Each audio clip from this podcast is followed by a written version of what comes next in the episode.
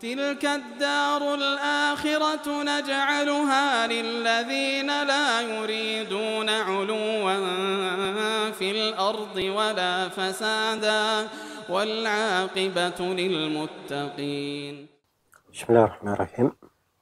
الحمد لله رب العالمين والصلاة والسلام على المبعوث رحمة للعالمين نبينا محمد وعلى آله وصحبه ومن تبعهم بإحسان إلى يوم الدين أما بعد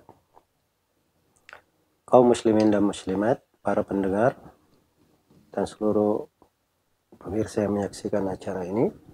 Assalamualaikum warahmatullahi wabarakatuh.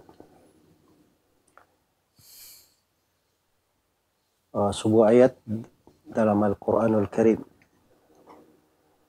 yang mengharuskan kita semua selalu memeriksa dari lembaran-lembaran kehidupan dan mendetailkan kandungannya.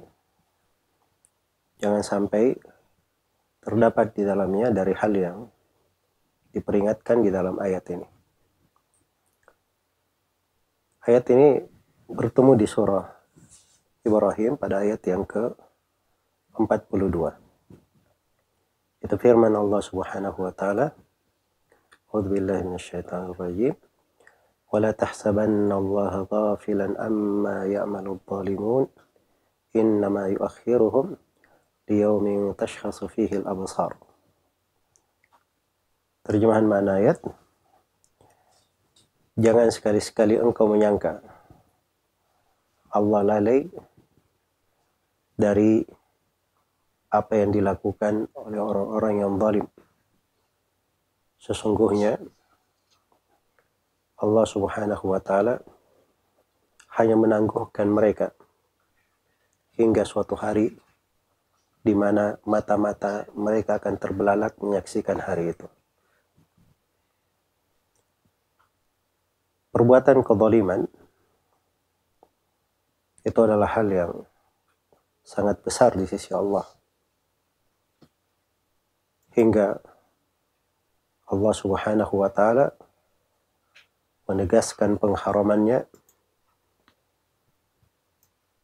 berdasarkan suatu hal yang besar pula. Diterangkan di dalam riwayat Muslim dari Abu Dhar Al-Ghifari radhiyallahu taala anhu dari Nabi sallallahu alaihi wasallam wa Rasulullah sallallahu alaihi wasallam meriwayatkan dari Allah Subhanahu wa taala Allah berfirman dalam hadits ilahi Orang menyebutnya hadits qudsi.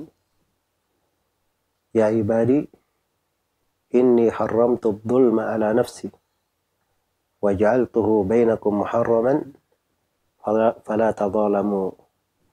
Wahai segenap hambaku, sesungguhnya aku telah mengharamkan kezaliman atas diriku. Dan aku jadikan kezaliman itu sebagai hal yang diharamkan antara sesama kalian maka janganlah kalian saling mendolimi. Keharaman kezaliman dasarnya hal yang sangat besar. Karena Allah yang maha mampu, yang maha menguasai segala sesuatu, yang tidak ada yang bisa menahan ketetapan dan ketentuannya, bersamaan dengan itu Allah haramkan kezaliman atas dirinya. Maka diharamkan pula terhadap seluruh makhluk hal tersebut tidak boleh ada saling mendolimi. Kezaliman itu melampaui batas. Meletakkan sesuatu bukan pada tempatnya, itu disebut kezaliman. Disebut kezaliman. Dan kezaliman di dalam ayat, walaupun dilihat di konteks ayat, zahirnya kepada pelaku kesyirikan yang terkait dengan kaum musyrikin dan orang-orang kafir. Tapi keumuman dari ayat adalah perhitungan dan peringatan terhadap perbuatan kezaliman. Dalam sebuah hadis yang diriwayatkan oleh Tayalisi dan selainnya dihasankan oleh Syekh Al-Bani rahimahullah dari seluruh jalur-jalurnya Nabi Shallallahu Alaihi Wasallam membagi kezaliman menjadi tiga. Kata beliau ada zulmun la yughfar. Kezaliman yang tidak akan diampuni. Ada zulmun yughfar. Kezaliman yang bisa diampuni.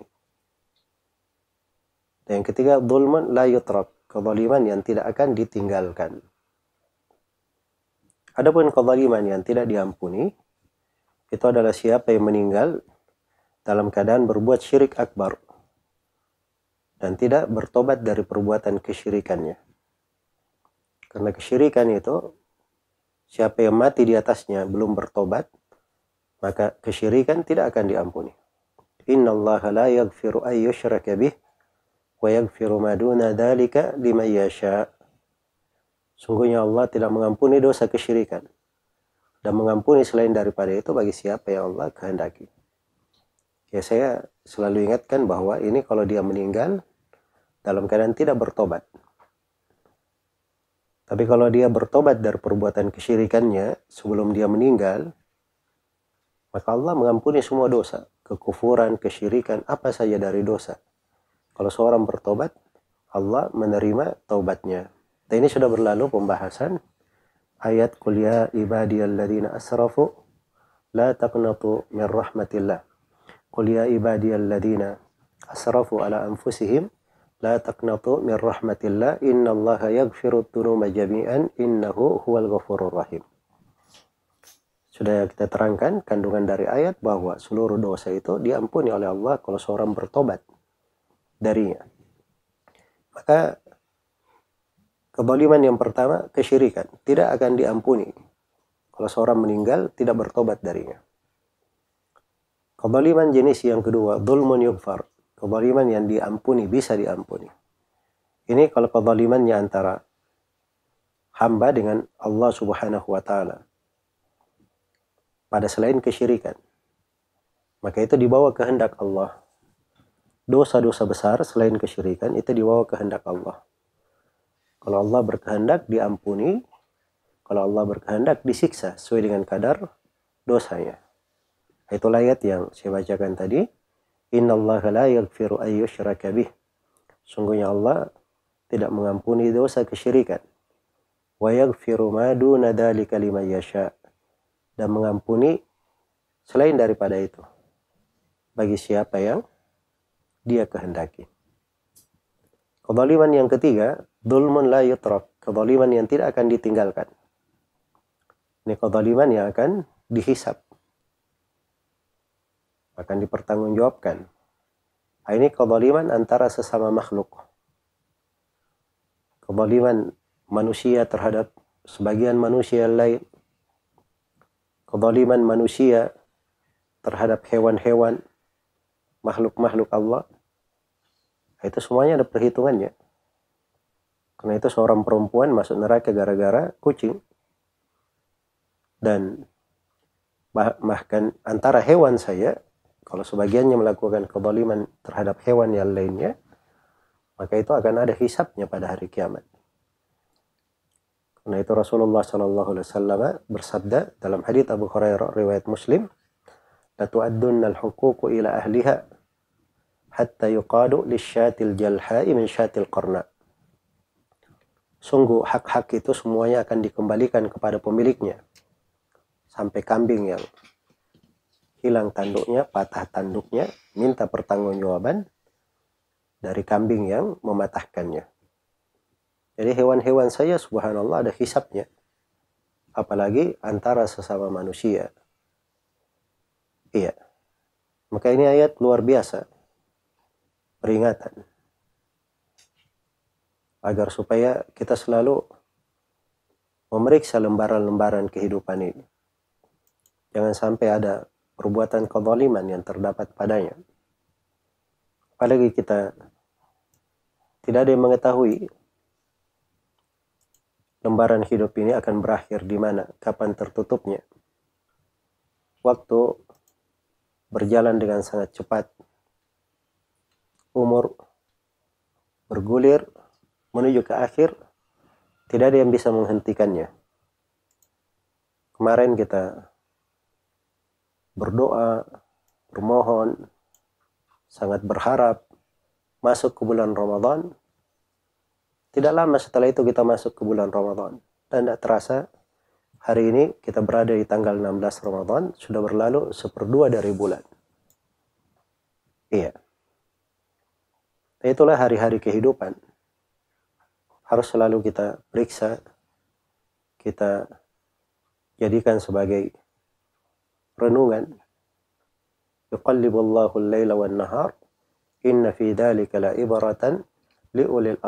Allah membolak-balikkan malam dan siang. Sungguhnya dalam hal tersebut terdapat pelajaran bagi orang-orang yang memiliki mata pelihatan. Di dalam ayat ini saya simpulkan ada beberapa renungan. Yang pertama, merasa selalu diawasi oleh Allah. Iya. Jangan sangka Allah lalai. Ada yang luput. Ada yang tidak tercatat. Ada yang tidak terekam. Tidak terdata. Semuanya ada. Catatannya semuanya akan dihadapi oleh seorang hamba sesuai dengan amalannya masing-masing. Karena itu kembali kepada diri sendiri. Man amila salihan fali nafsihi wa man asa'a fa'alaiha wa ma rabbuka bidhallamin lil abid siapa yang beramal salih untuk dirinya sendiri sebagaimana siapa yang berbuat jelek dia sendiri akan menanggungnya dan Rabbmu tidak pernah mendolimi seorang hamba pun kemudian yang kedua tidak boleh seorang berprasangka tidak benar terhadap Allah jangan ada yang menyangka bahwa Allah subhanahu wa ta'ala lalai Allah tidak